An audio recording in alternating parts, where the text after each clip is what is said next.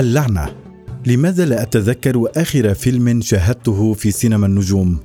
فجر يعقوب. لقد تهدمت سينما النجوم في مخيم اليرموك. قبل هذا الوقت بزمن طويل. تهدمت نفسيا قبل أن تتهدم على الأرض فعليا. فأنا لا أتذكر بالضبط آخر فيلم شاهدته فيها. لكنني أتذكر الأفلام الأولى من صبايا. أتذكرها بوضوح. لكن لماذا لا أتذكر آخر فيلم؟ سألت نفسي مرارا هذا السؤال وفي الواقع لم أتوصل إلى إجابة شافية وصرت أجد صعوبة بتكرار السؤال بعد أن شاهدت بعض الصور مؤخرا وهي تكشف عن دمار الصالة الوحيدة التي قاومت طويلا بعد إغلاق صالة الكرمل جارتها الأخرى غير البعيدة عنها وتحويلها إلى صالة أفراح. في الحقيقة هي لم تقاوم. نحن روادها كنا نقاوم بالنيابة عنها وهي في نهاية عقد السبعينيات ومطلع عقد الثمانينيات كانت تتحول إلى صالة للأعمال النضالية إذ تحتفل بأعياد التنظيمات الفلسطينية المختلفة وهي احتفالات مأجورة بالطبع.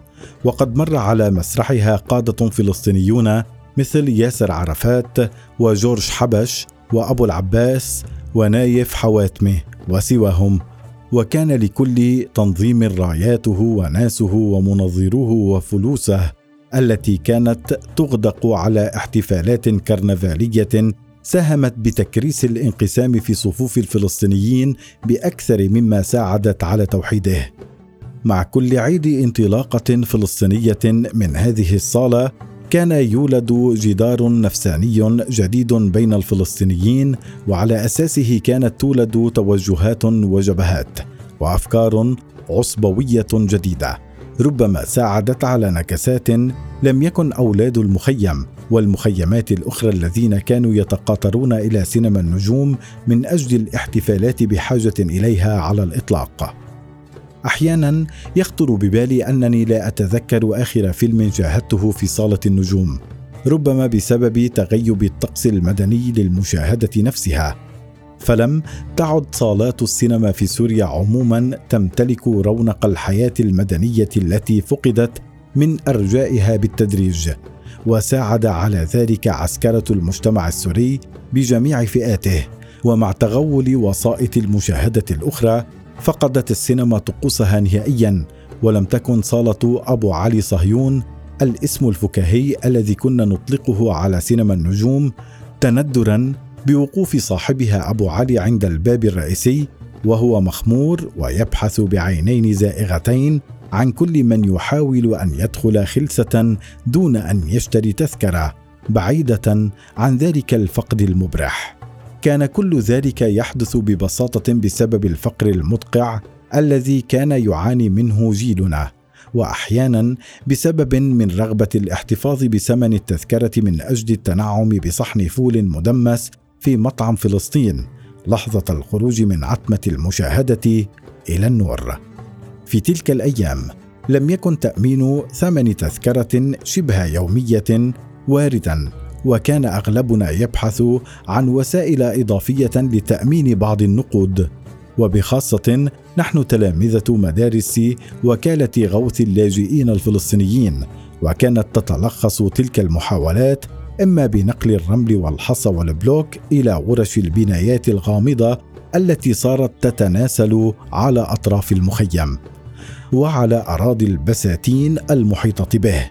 وبدأ واضحا للعيان أنه في أقل من عقد اقتلعت آلاف أشجار الزيتون منها وجرى تجفيف الكثير من الأقنية الرومانية التي كانت تحيط بها البساتين المشرع العصرونية قناة ترانس.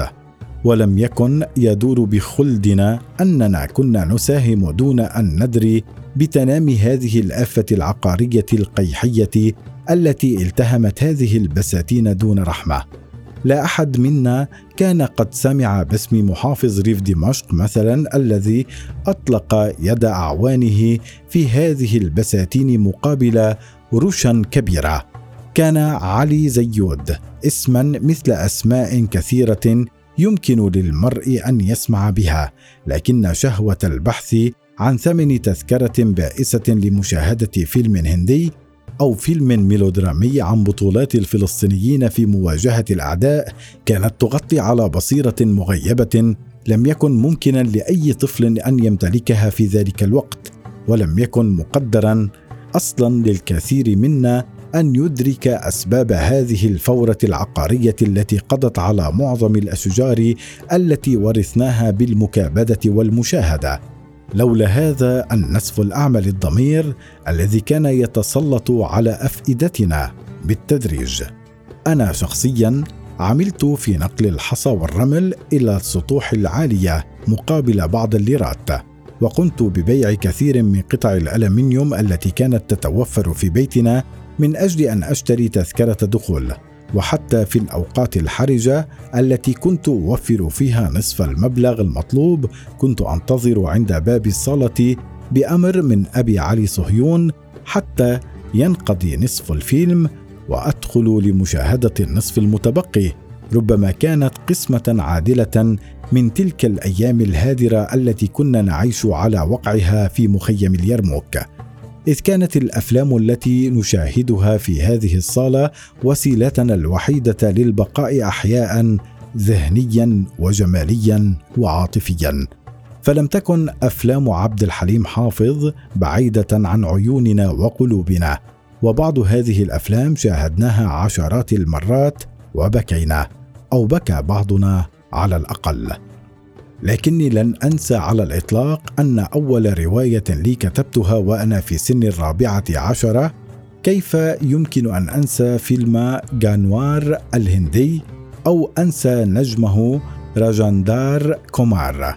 نعم لقد خرجت من الصالة متاثرا وأنا أبكي واذرف الدموع وقررت أن أكتب قصة الفيلم كاملة على دفتر من دفاتر وكالة الغوث كان الدفتر يتألف من خمسين صفحة وأنا قد كتبت القصة عليها واستهلكت الدفتر تماما وذهبت إلى المدرسة في اليوم التالي لأحدث رفيقاتي عن الفيلم.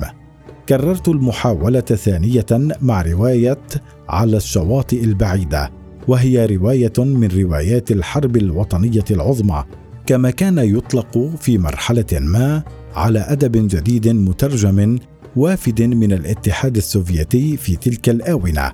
على الأغلب قمت بنسخها وتشويهها بالاعتماد على ذاكرتي ولم أحتفظ مع الأسف بهاتين الروايتين المبكرتين لأقيم ما كتبته. آخر مرة دخلت فيها صالة سينما النجوم كانت قبل عقدين لا لأشاهد فيلما فيها بل لأصور فيها شيئا عن ذكرياتي مع مصور فرنسي اسمه دميان جاء ليصور فيلما وثائقيا عن المخيمات الفلسطينية سنة 2003 لقد وافق الشاب الذي كان يقف عند الباب أن ندخل ونصور لكنه أبلغ عناصر الأمن السياسي الذين يديرون مكتبا لهم في مخفر الشرطة على الطابق الثاني.